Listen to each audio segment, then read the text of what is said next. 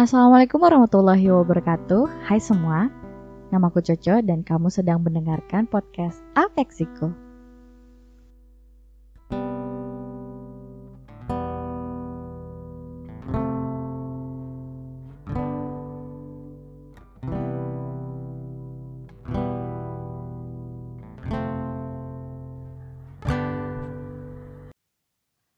Belakangan ini kesadaran mengenai pentingnya kesehatan mental itu sudah mulai meluas. Orang-orang udah mulai kayak aware, udah mulai mencari tahu tentang apa itu kesehatan mental dan apa sih fungsinya sama psikologis kita dan bagaimana kesehatan psikologis itu mempengaruhi kehidupan kita dan gimana cara memaintain agar kita selalu sehat secara psikologis.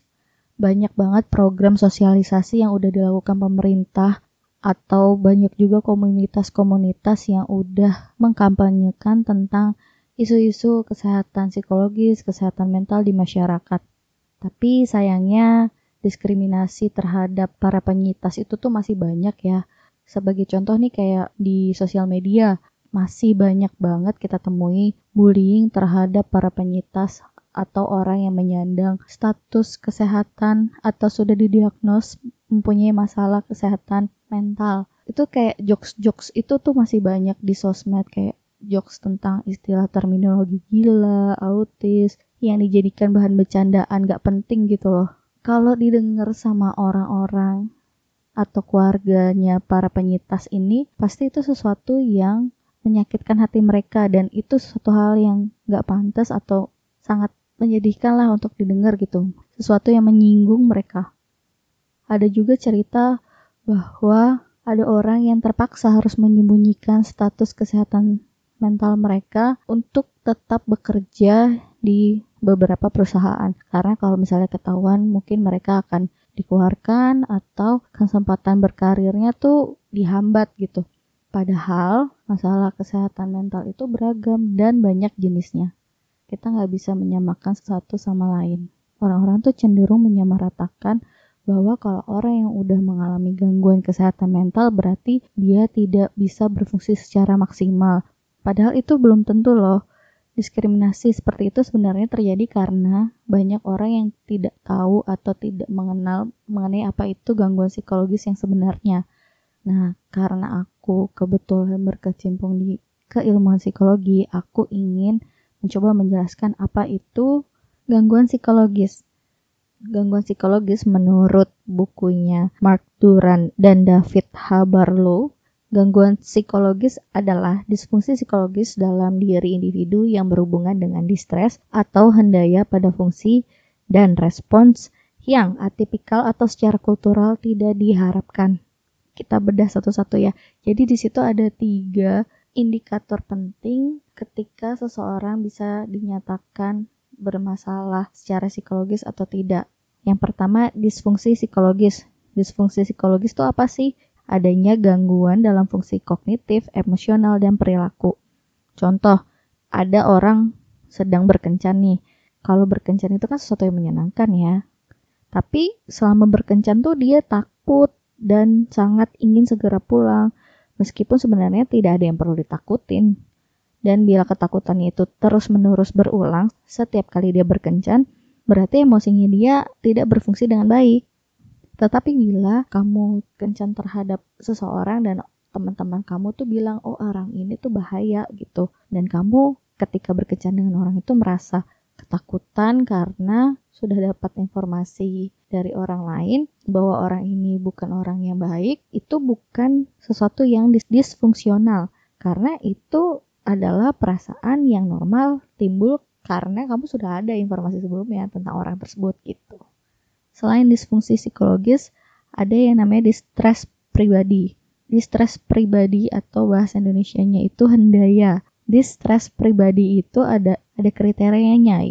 Yang paling penting dari dari hendaya ini atau dis, distress pribadi ini adalah bila si individu itu merasa sangat kacau.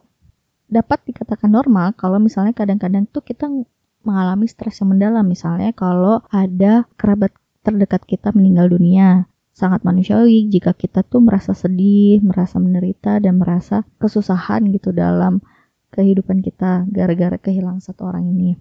Tapi kalau misalnya sudah merasa kacaunya tuh dalam waktu yang lama dan mengganggu selama berminggu-minggu bahkan berbulan-bulan dan mengganggu kehidupan atau rutinitas kalian sehari-hari yang sebelumnya itu nggak ada tiba-tiba jadi ada nah itu patut dicurigai kalau kamu sedang mengalami masalah psikologis nah yang ketiga adalah respon atipikal atau secara kultural tidak diharapkan kadang-kadang sesuatu yang dianggap abnormal karena sangat jarang terjadi menyimpang dari keadaan yang biasa atau menyimpang dari norma-norma yang terjadi di masyarakat itu sendiri. Sebagai contoh nih, misalnya gini, kalau orang Indonesia dikenal orangnya ramah, suka bersosialisasi, saling berinteraksi satu sama lain dengan bebas walaupun sebelumnya tidak sangat mengenal satu sama lain. Bandingin sama orang Jepang yang konon katanya mereka individualis. Mereka nggak terlalu berinteraksi dengan orang-orang yang nggak mereka benar-benar kenal. Ketika ada orang di luar dari normanya mereka itu melakukan perilaku tertentu. Misalnya ada satu orang Indonesia yang tiba-tiba jadi individualis seperti kayak orang Jepang. Individualis di Indonesia sama menjadi individualis di Jepang itu berbeda makna. Bisa jadi kamu yang individualis ini menjadi tidak normal ketika kamu berinteraksi sesama dengan orang Indonesia. Tapi kalau kamu di Jepang ya itu hal yang lumrah. Paham ya maksudnya itu balik lagi ke norma-norma dan kebiasaan dari masyarakat setempat gitu.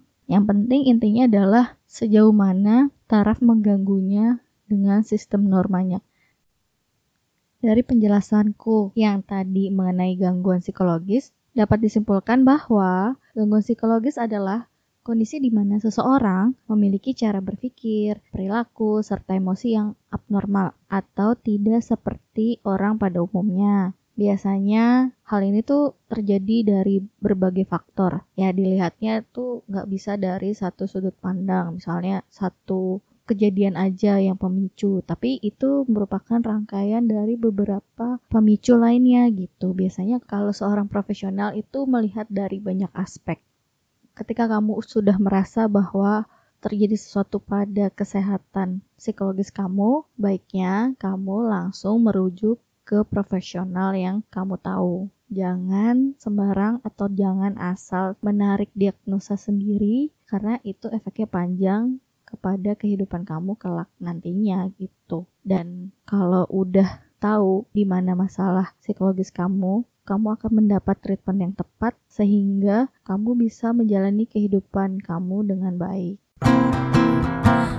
Terima kasih ya sudah mendengarkan episode minggu ini.